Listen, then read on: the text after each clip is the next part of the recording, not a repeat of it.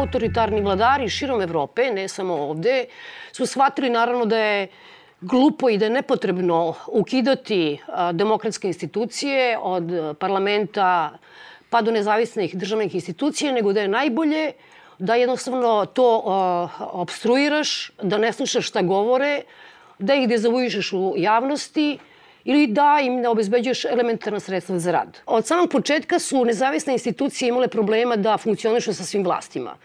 Međutim, nije nikako preterivanje da je sa ovom vlašću stvari su metastazirale.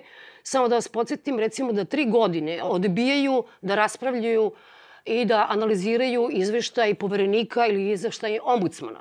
Sav, tako da kažem, otrov koji je izvršna vlast upućuje prema nezavisnim institucijama se zapravo prelama preko gospodina Šabića, odnosno preko poverenika. I gospodin Šabić u osnovom reći kako to izgleda raditi i da li uopšte moguće raditi u ovakvim okolnostima naše političke stranke uglavnom dok su u opoziciji snažno preferiraju i ljudska prava i transparentnost i borbu protiv korupcije, snažno podržavaju nezavisne institucije. Međutim, po pravilu kad dođu na vlast, ovaj, onda menjaju menjaju pogled na to, pa su mnogo manje senzibilisani za te stvari i onda sam ja od samog početka, kako rekao ste, doživljavao ali kvalifikacije, bio sam i neko ko ugrožava državnu bezbednost i državne interese i podriva ekonomske osnove i finansijski sistem i svašta drugo. I to, dakle, nije specifičnost poslednjeg trenutka, to se dešavalo stalno. Ono što je specifično ovog aktualnog trenutka, što je to poprimilo razmere, dakle, koje, koje su nezapamćene. Može to i da se objašnjava, verovatno, i kontekstom u kome živimo. Sad su društvene mreže eksplodirale, imamo instrumente kakvi pre pet ili šest godina nije bilo, imamo organizovane ekipe botova koje divljaju po internetu, dakle, i tako dalje. Ali kako god bilo, dakle, ono što je tu problem i što je jedino što me ne brine, dakle, mi smo nekako od te 2004. pa bez obzira na sve te probleme, nesporazume, obstrukciju, sapretanje, imali jedan kontinuirano pozitivan proces. Dakle, broj informacija koje se dobijao i bez intervencije povrnika je rastao, efikasnost ove institucije primjene zakona bila je u stalnoj uzlaznoj putanji i to je tako bilo do 2015. godine. 2015. godine taj proces je zaustavljen i ne samo da je zaustavljen, nego je krenuo na dole. I po svemu što vidim iz ove perspektive, to će i dalje ići na dole. I to je lako objašnjivo činjenicom, dakle, da oni delovi državnog mehanizma koji bi trebali da podrže implementaciju zakona, ne rade svoj posao. I u tim uslovima, naravno, ovaj, stvar se kvalitativno komplikuje. Šta tu uopšte može da bude problem? Uzeli ste javni novac, pokupili ste pare od građana. Kad kažem pokupili, ne govorim u pežurativnom smislu. Građani sve ovo finansiraju. Daju mandat vlasti na izborima i finansiraju, finansiraju da radi. Najskuplja ljudska aktivnost je politika. Najveća redistribucija novostvorene vrednosti se vrši u politici. Uzmem pare od jednih pa dam drugima, dajem subvencije, ove oporezujem, ovima dajem stimulanse, ovima povećavam poreze. I sve to legitimno. Ali ako je legitimno, onda ja valja stojim iza toga. Onda ja valja u svakom trutku moram da položim račun zašto to radim i kako to radim. Kad je to problem saznati, onda je sve problem. Ja sam fasciniran. Prošle godine ste vi imali konačno eto rešenje, valjda rešenje jednog problema, mada smo ga već jednom rešavali sa Amerikancima, sad ga rešavamo s Kinezima.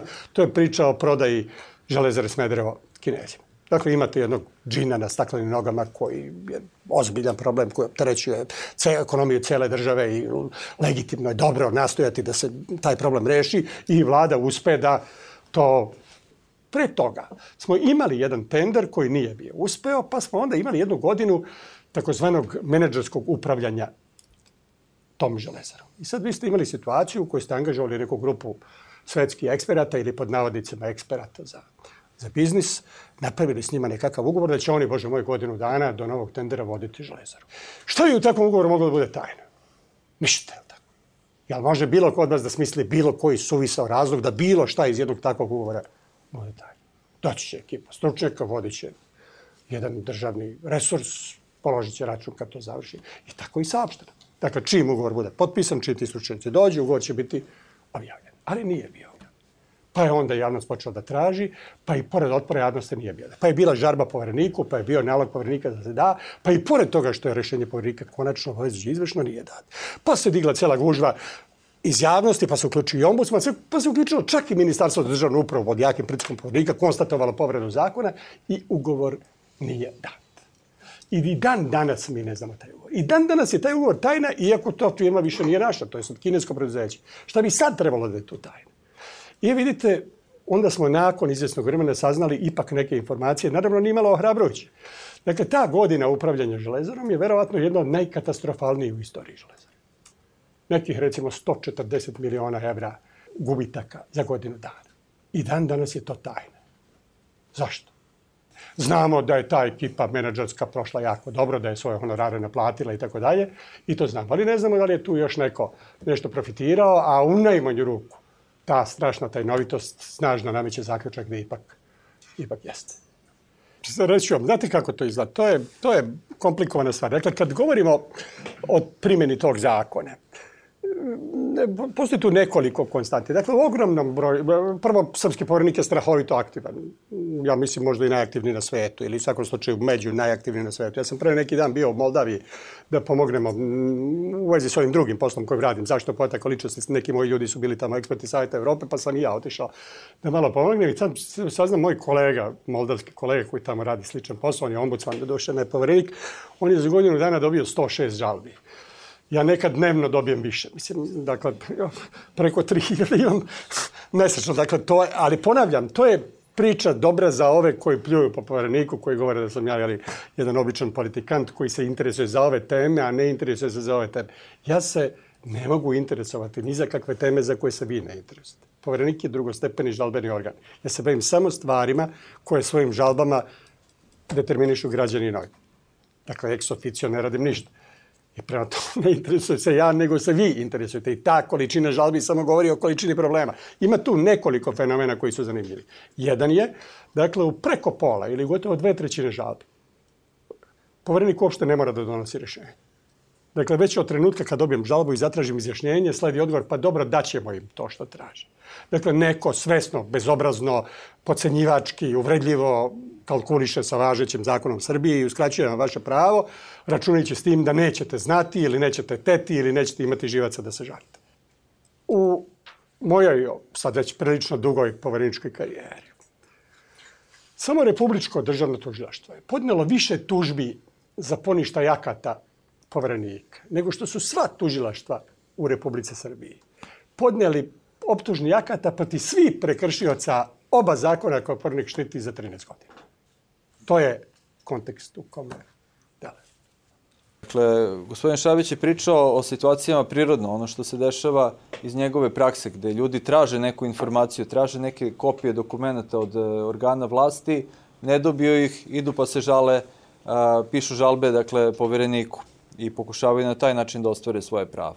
Ako se zapitamo još jedan korak dalje, a, čemu sve to? Čemu uopšte taj režim pristupa informacijama? Možemo ga i tekako vezati i za javne nabavke i za mnoge druge aktivnosti državnih organa. Suština je u tome. Ako nemamo pravo na pristup informacijama ovako kako je sada definisano, kao pravo da tražimo dokumente gotove, znači mi ćemo onda biti u situaciji, kad ne bismo imali to pravo, bili bismo u situaciji da zavisimo od dobre volje vlasti, šta hoće, šta oni hoće da nam kažu, šta oni smatraju da je bitno da mi znamo i drugim rečima imali bismo jedno obilje ili ili obilje ili šture, ali u svakom slučaju bismo imali nešto što ne možemo nikako da proverimo. Imali smo skoro, jel da, veliku jednu nabavku iz budžeta, se razdela e, Ministarstvo unutrašnjih poslova, e, nabavka patrolnih e, automobila. A nigde podatka o tome javno objavljenog kako je uopšte, koliko je to tačno plaćeno, u kojoj proceduri, na osnovu čega je odabrana baš ta marka vozila, ne neka druga i, tak, i tome slično. 700 vozila. 700 vozila, s tim da je moguće da je nabavka čak 1000 ugovorena.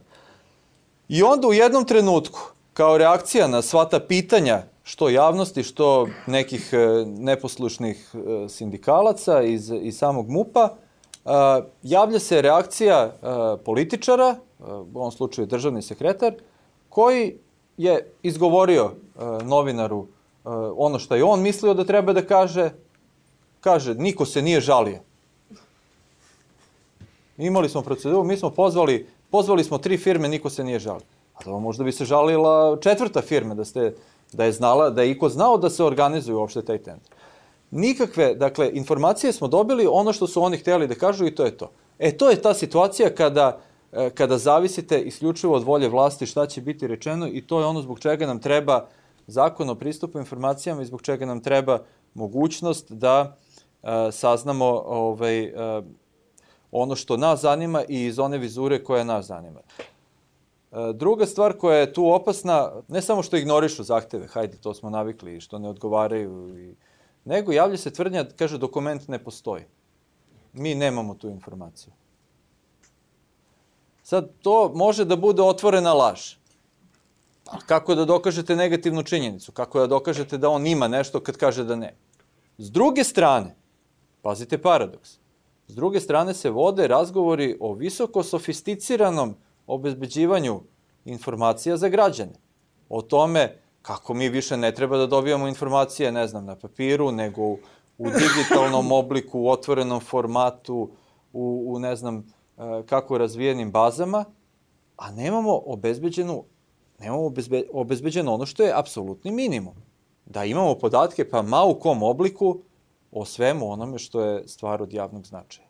Drugo veliko je pitanje da li su u spisak i u statistike javnih nabavki ušle situacije kada se rade veliki infrastrukturni projekti, autoputevi, termoelektrane i sad e, Beograd na vodi, aj sad da ne pomenjem i tome slično, projekti koji se realizuju kroz E, na osnovu nekih međudržavnih sporazuma i gde se uopšte ne primenjuje zakon o javnim nabavkama. Veliko je pitanje da li su one uključene. Tako da je e, ukupna količina novca koji se potroši na javne nabavke u Srbiji sigurno daleko veća od tog broja. Pa nekad, samo da se vratim, e, gospodine Šabiću, možda da vi prokomentarišete ove međudržavne sporazume. Dakle, mi smo svakog dana izloženi time da nam je Vučić ili da nam je neko sklopio neviđeno dobar sporazum sa Kinom, sa Marsovcima ili već ne znam šta, ja. Prosto to je nešto, to je nešto što je normalizovano, ja. I uvek je kaže, ali investitor ne dozvoljava da dobijete nikakve informacije. To je hipotetička mogućnost. Dakle, Skupština Srbije bi mogla ratifikovati međunarodni ugovor zaključen s nekom zemljom i reći da na ove situacije se ne primenjuje zakon o javnim navavkama, ne primenjuje se ni zakon o slobodnom pristupu i tako dalje. Ali takvih ugovora iz, zapravo i nema mnogo, sem ovog o Beogradu na vodi i jedno, još jednog sa, sa Emiratima, dosta abstraktnog, ja i ne znam jedan. Ono što je naš pravi problem je ambicija naših ministara i direktora da oni zaključuju ugovore gde sa stranim investitorima ugovaraju nekako poverljivost. To je potpuni nonsens. Ne možete vi ni po kakvim pravnim pravilima, ne u Srbiji, nego nigde na svetu, dakle, odredbama u osnovi komercijalnog ugovora de, dezavuisati odredbe zakona, dakle, imperativnu normu. Prema tome, to što oni ugovaraju, to je potpuno ništavno. Nažalost, oni se u praksi na to pozivaju i to uporno. I reću vam, bilo je više takvih situacija, dakle, i, i po pravilu, znate, ako se od toga odstupe, bit će katastrofa, gotovo, propade Srbija, tužit će nas, izgubit ćemo ne znam koliko. Ja se sjećam više takvih ugovora gde sam nalagao da se objavi, bio je famozni ugovor između Jata i Airbusa svoje vremeno, isto jedan vrlo, vrlo sumnjiv, asocijativno koruptivni ugovor. Dakle, u vreme sankcija Srbija uspe da zaključi ugovor u kupovini aviona za ogroman iznos, što je snažno asocirano na korupciju. Isto da, ako se taj ugovor objavi, gotovo je, tužit će nas Airbus i tako dalje. Naredio sam da se objavi, posle izvesnog natezanja objavljen je i naravno niko nas nije tužio. Taj civilizovani svet je navikao na priču da se račun za raspolaganje javnim sredstvima polaže. Ne možete potrošiti 30, 40 ili 200, 300 miliona državnih para i reći tajne je kako sam ja potrošio i koliko sam platio. Slična je bila priča sa autoputom Horgoš Požega, sećate se. Sli... Zbog zaštite autorskih prava. Zbog zaštite autorskih prava. Sad zamislite da vam neko prodaje tu vrstu nebuloze. Ja sam se tad našalio. Dakle, ne mogu da vam pokažem međudržavni ugovor, ne, ovaj komercijalni ugovor, težak milione, zato što advokatska firma koji je angažovan strani partner polaže autorska prava. Ja sam tad rekao tadašnjem ministru, rekao ja bih možda razmišljao o tome da primite argumentaciju uz uslov da su ugovor napisali u stihovima, ali pošto nisu u stihovima, ovaj, dakle, to je i razno razne objašnjenja ovaj, te vrste. Dakle, i to se uporno i konstantno radi. To je potpuno, dakle, ništa. Ne može nikakav ministar ili direktor svojom voljom i svojim ugovorom staviti van snage odredbe zakona. Sve i da ugovori takvu odredbu, ona je, ona je ništava. Ono što je zanimljivo, ja sam imao famozni ugovor s Fiatom, recimo. Ja sam i tada naložio još u vreme, evo, on ne vlasti, kako se to kaže da se objavi, i tada je bio snažan otpor. Nova vlast je tada kritikovala taj ugovor, ali došla pa ga nije objavila. Taj ugovor sadrži izričitu odredbu da je merodavno pravo srpsko pravo. Dakle, rešavao je srpski državni organ, poverenik za informacije, primenjujući srpsko pravo, zakon o slobodnom pristupu informacijama. Ni na kakvom sudu mi ne bi mogli da izgubimo taj spor. Ali nije objavljeno. I to se kontinuirano ponavlja. Dakle, ta priča o tajnama, tim koje ugovaraju direktori ili ministri, u poslednje vreme dobija kombinaciju u ovim tajnama koje se ustanovljavaju na osnovu zakona o tajnosti podataka. To je tek posebna priča. I to je isto tako jedan zakon koji je naš pravni poredak ušao s idejom da se unese nešto reda, da se napusti neka koncepcija još nasleđena sovjetska, nekakve bezbednostne kulture i tako dalje, koja je zapravo fikus. U postupku koji je povernik vodio po žalbi jedne novinarske ekipe u vezi sa činjenicama koje su ukazivale neto, da tako kažem, na sumnju u pogledu zakonitog sticanja imovina jednog ili dva visoka državna funkcionera, Agencija za borbu protiv korupcije je pokušala čak i povereniku da uskrati pristup tim dokumentima. I sad pazite, ja ne samo da personalno imam pravo pristupa kao povernik bilo kom dokumentu ovoj zemlji, nego u instituciji povernika ima 27 službenika koji su prošli bezbednostnu proveru i sertifikovani su na pristup dokumentima najvišeg stepena poverljivosti. Ja mislim da BIA nema taj procenat sertifikacije. Dakle, to je organ vlasti sa najviše sertifikovanih ljudi. Agencija je nama uskratila taj dokument da bismo mi onda ustanovili da naša agencija za borbu korupcije 8 godina radi bez jednog sertifikovanog službenika. Dakle, sistematski vrši prekršaj i krivična dela 8 godina i te poverljive dokumente koje ne da povereniku sistematski prosleđuje tužilaštvu u kome takođe nema ni jednog sertifikovanog. To je suvišno komentarisati. Da je procenio da neka informacija strogo poverljiva, trebalo bi da proceni da je reč o informaciji čije odavanje bi teško ugrozilo interese Republike Srbije. Naglašavam, teško ugrozilo interese Republike Srbije. Ako zaključimo da je izvesni funkcioner pre devet godina prijavljen za pranje para i naše institucije sistematski devet godina rade na tom slučaju, a rezultat još nemamo, ali sve je to strogo poverljivo, onda se čini da tu neko nekog vuče za nos. Skupljili smo podatke razne a, o tome kako su birani direktori, kako su birani nadzorni odbori. Uhvatili smo jedno javno preduzeće, gle baš iz Niša, ulaži to planu. Naime, tražili smo podatke o tome da li su i kako proveravali da, član, da li članovi nadzornog odbora Toplane u tom trenutku na sajtu nije bilo biografija, da li članovi nadzornog odbora Toplane ispunjavaju zakonom propisane uslove i tražili smo da nam dostave sve dokumente na osnovu kojih je, se, se, se, je dokazano da oni te uslove ispunjavaju. Dobili smo odgovor da oni te dokumente nemaju. Isto to smo tražili od Skupštine grade kao osnivača i moram priznati Skupština grada je bila vrlo predusretljiva i između ostalog Skupština grada nama prosledi gomilu podataka koje su oni dobili od Toplane. Znači, Toplana je njima prosledila, a nama odgovorila da nema. Dokazali smo da lažu, ali, nažalost, naš zakon ne predviđa bilo kakav mehanizam niti sankcije za nekoga ko laže. Predviđa kad neki državni funkcioner ili lokalni funkcioner ili državni službenik ili lokalni službenik uzme pa napiše nešto na papiru, potpiše i stavi pečat. To je u uređenim zemljama nešto što se zove falsifikat službene isprave. Zato se ide pet godina u zatvor po zakonu ove zemlje. A, a drugi primjer je meni jako simpatičan. E, to je isto ovde iz, iz ovog kraja malo južnije, malo dalje. To je iz Surdulice, gde smo takođe tražili te podatke i e, dobijemo od osobe zadužene za postupanje sa zahtevima u javnom preduzeću, više se nećem da li je bio vodovod ili koji je bio, nije ni bitno u Surdolici, da nemaju podatke, da nemaju biografije članova nadzornog odbora i potpiše ta osoba. Onda mi te biografije ipak dobijemo od Skupštine opštine i onako vrlo simpatično ispostavi se da osoba koja radi u tom vodovodu, koja je tamo zadužena za postupanje po zahtevima informacije, je član nadzornog odbora kao predstavnik zaposlenih i on nema svoju biografiju. Tako da je ovaj, to onako bilo jedno, što bi rekao Bata Stojković, mehaničko postupanje bez, ovaj, bez razmišljanja. Tako da evo, to su neke vrlo simpatične a, slike što se tiče zakona o slobodnom pristupu informacija, a treća sličica se tiče javnih nabavki. Nađem javnu nabavku veliko jedno javno preduzeće, Pošta, a, želi da se oglasi u dnevnim novinama i raspisuje javnu nabavku i sad kaže ovako. Oni žele da se oglase u novinama koje imaju vesti, pa se nabraja iz politike, ekonomije i tako dalje, imaju dodatak o kućama, nekretninama ko se prvi, ko prvi prepozna neka pritisne taster. Dodatak o kulturi, TV dodatak, dodatak nedeljom magazinskog reportažnog tipa koji ima sadržaje o zdravlju, beleške sa putovanja i reportaže. Potrebno je da se dnevne novine objavljuju u kontinuitetu ne manje od 100 godina i da u poslednje dva meseca imaju tiraž od 69.000 primjeraka. Nije 69.352. Ali, ne brinite, nije sad tu politika bila privilegovana. Pošta hoće da se oglasi u svih osam dnevnih listova. I sad je to jedan absurd po pitanju primjene ovog zakona, što ona ima osam lotova u kojima opisuje sve novine, ne, ne, ne, umesto da raspišu jednu javnu, javnu nabavku za svih osam novina, jer su manje više iste vrednosti.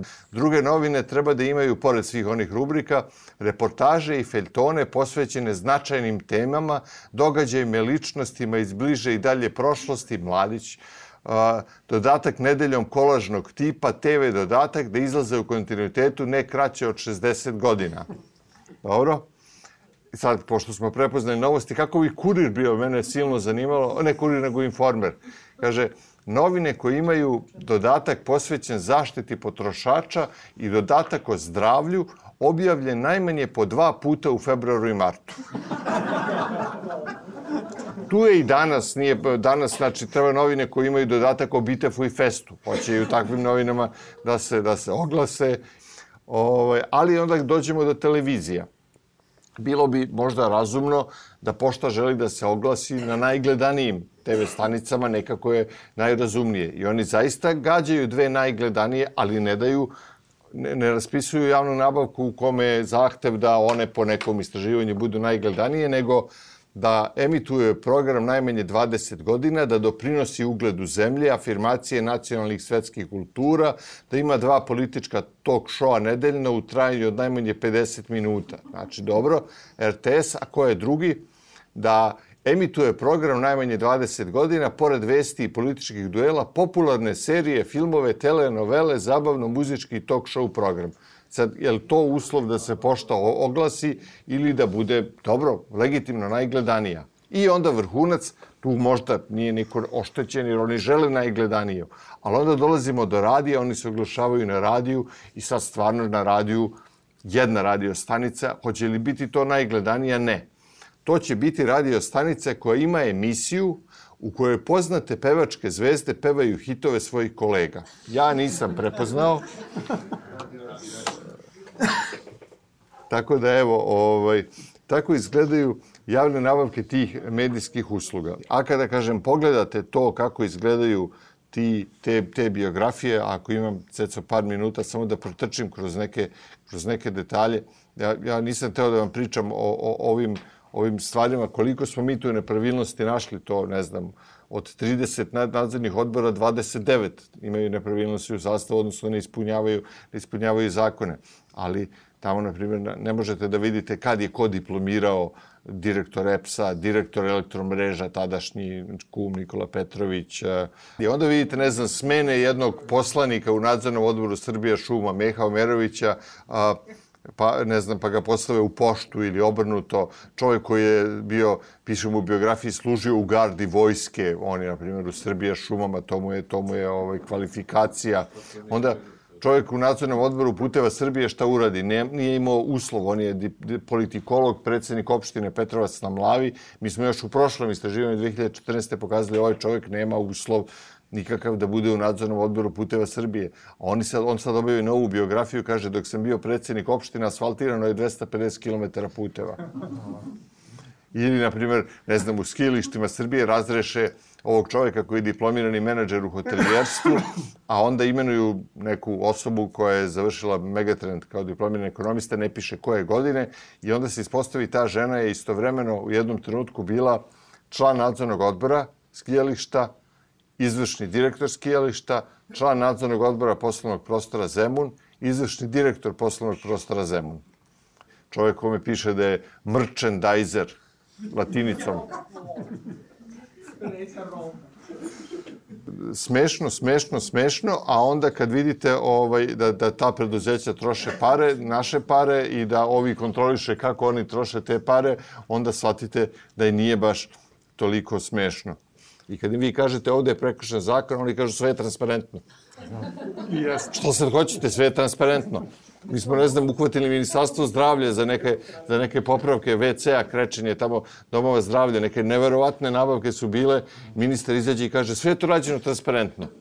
Vi ste pominjali malo pre neki potpuno neprihvatljiv odnos nekih funkcionera prema povereniku. Skoro smo imali priču, ne znam da li kod vas u Nišu aktualizovana ta priča sa seniorskim karticama za popust penzionerima. Ako nije, bit će.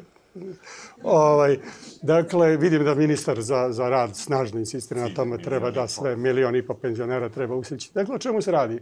Gradska vlast je krenula u snažnu akciju da olakšava uslove života penzionerima, da ima mogući popuste i najavila moćnu akciju emitovanja nekakvih kartica nekakvih kartica kojima će se penzioneri se legitimisati, pa će tada ko dobijati popust tamo gde je već popust odabren. Ja sam naravno reagovao odmah na to, pošto to naravno podrazumeva jeli, formiranje jedne ogromne baze podataka o beogradskim relacijama, to je jedno, ako ne pola miliona, bar, bar 400.000 penzionera. 407.000. Da, upozorio i na to da to baš ne može tako po zakonu i tako dalje.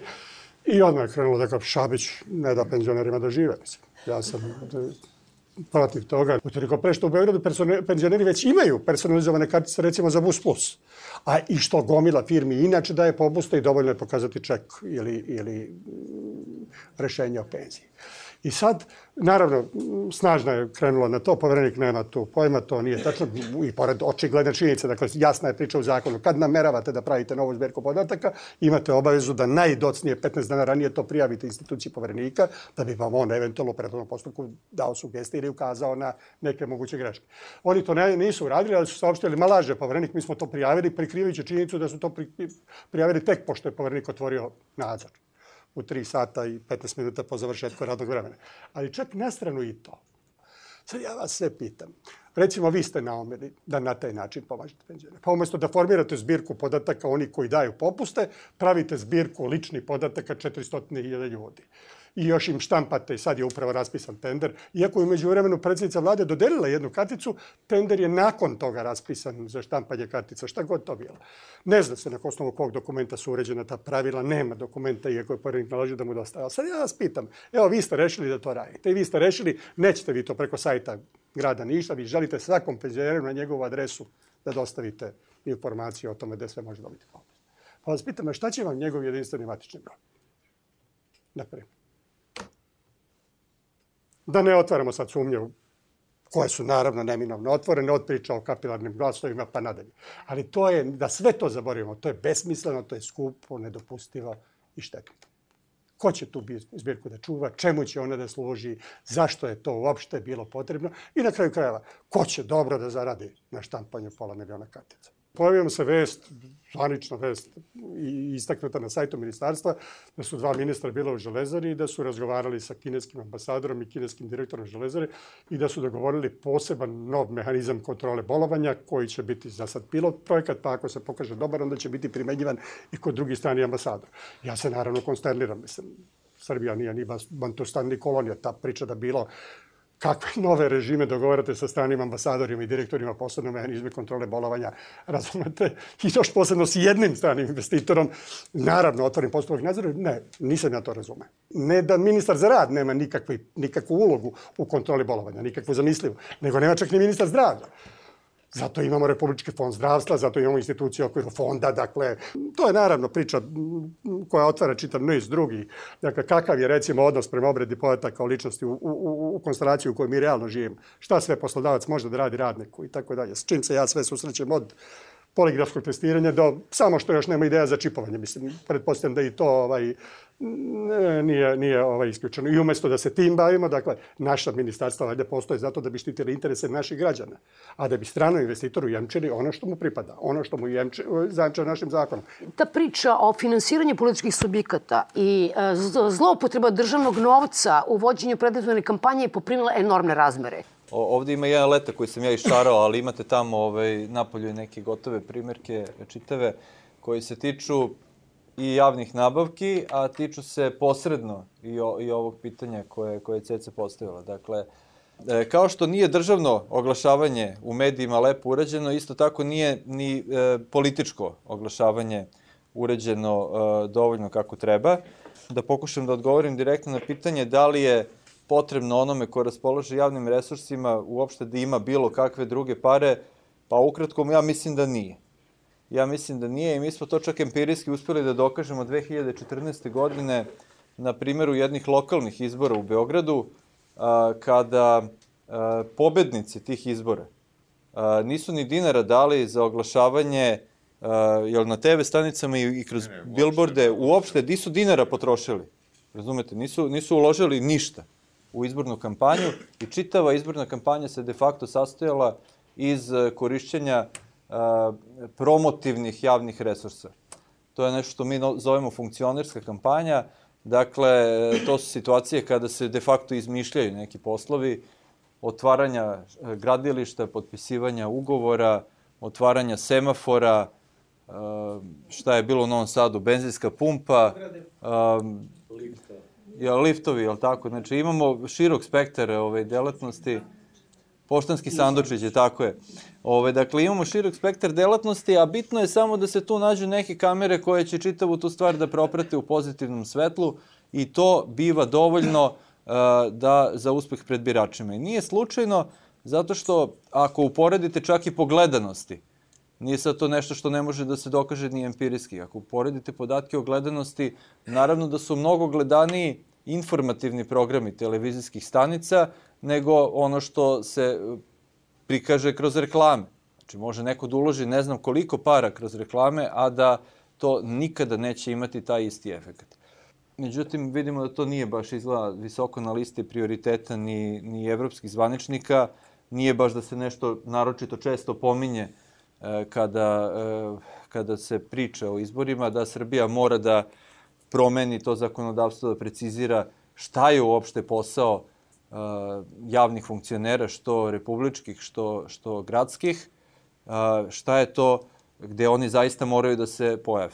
Ljig, Ljig Preljina, tako je, ta, to parče ovaj, 40 km autoputa, on je bio gotov. Izvanično je saopšteno, ovaj put je gotov.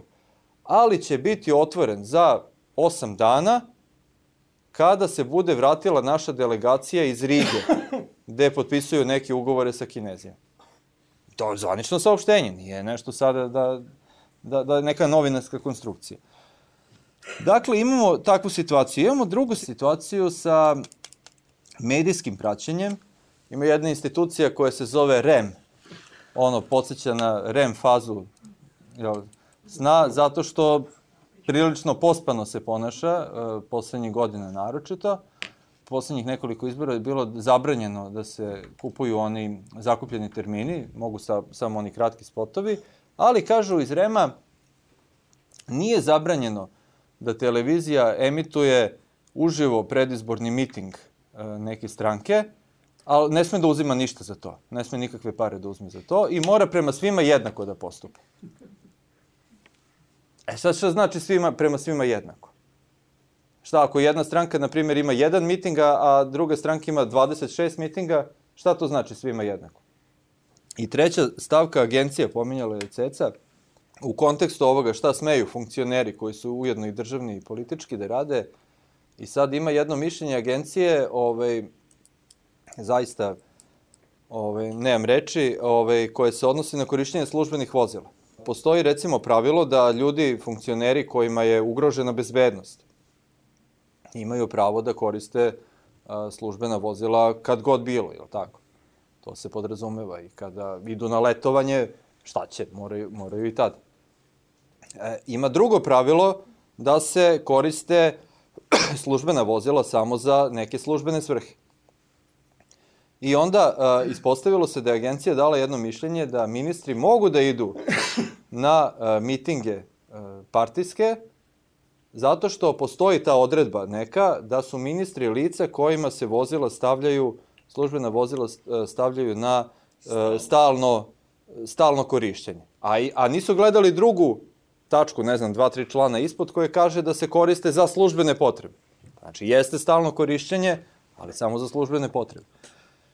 Postavlja se pitanje kako je sad moguće da je, ne, da je jedna takva međunarodna organizacija koja je predstavila konačno svoje u, o izborima u Srbiji i da to zaista ne bude vest. I onda kada otvorite taj izveštaj vidite zašto je to tako. U tom izveštaju, na primjer, piše i baš je povezano sa funkcionarskom kampanjom, predsjednički izbori su biračima omogućili da biraju među zaista različitim učesnicima izbora, Međutim, kampanjom je dominirao kandidat vladajuće koalicije, istovremeno i premijer, kojem je išlo u prilog nejasno razgraničenje između aktivnosti koje je sprovodio kao deo izborne kampanje i onih aktivnosti koje je sprovodio kao premijer – neizbalansirano izveštavanje medija i pouzdani navodi o vršenju pritiska na birače i zaposlene u strukturama usko povezani s državom, kao i zloupotreba javnih resursa za sprovođenje kampanje, poljuljali su jednakost mogućnosti u takmičenju učesnika izbora.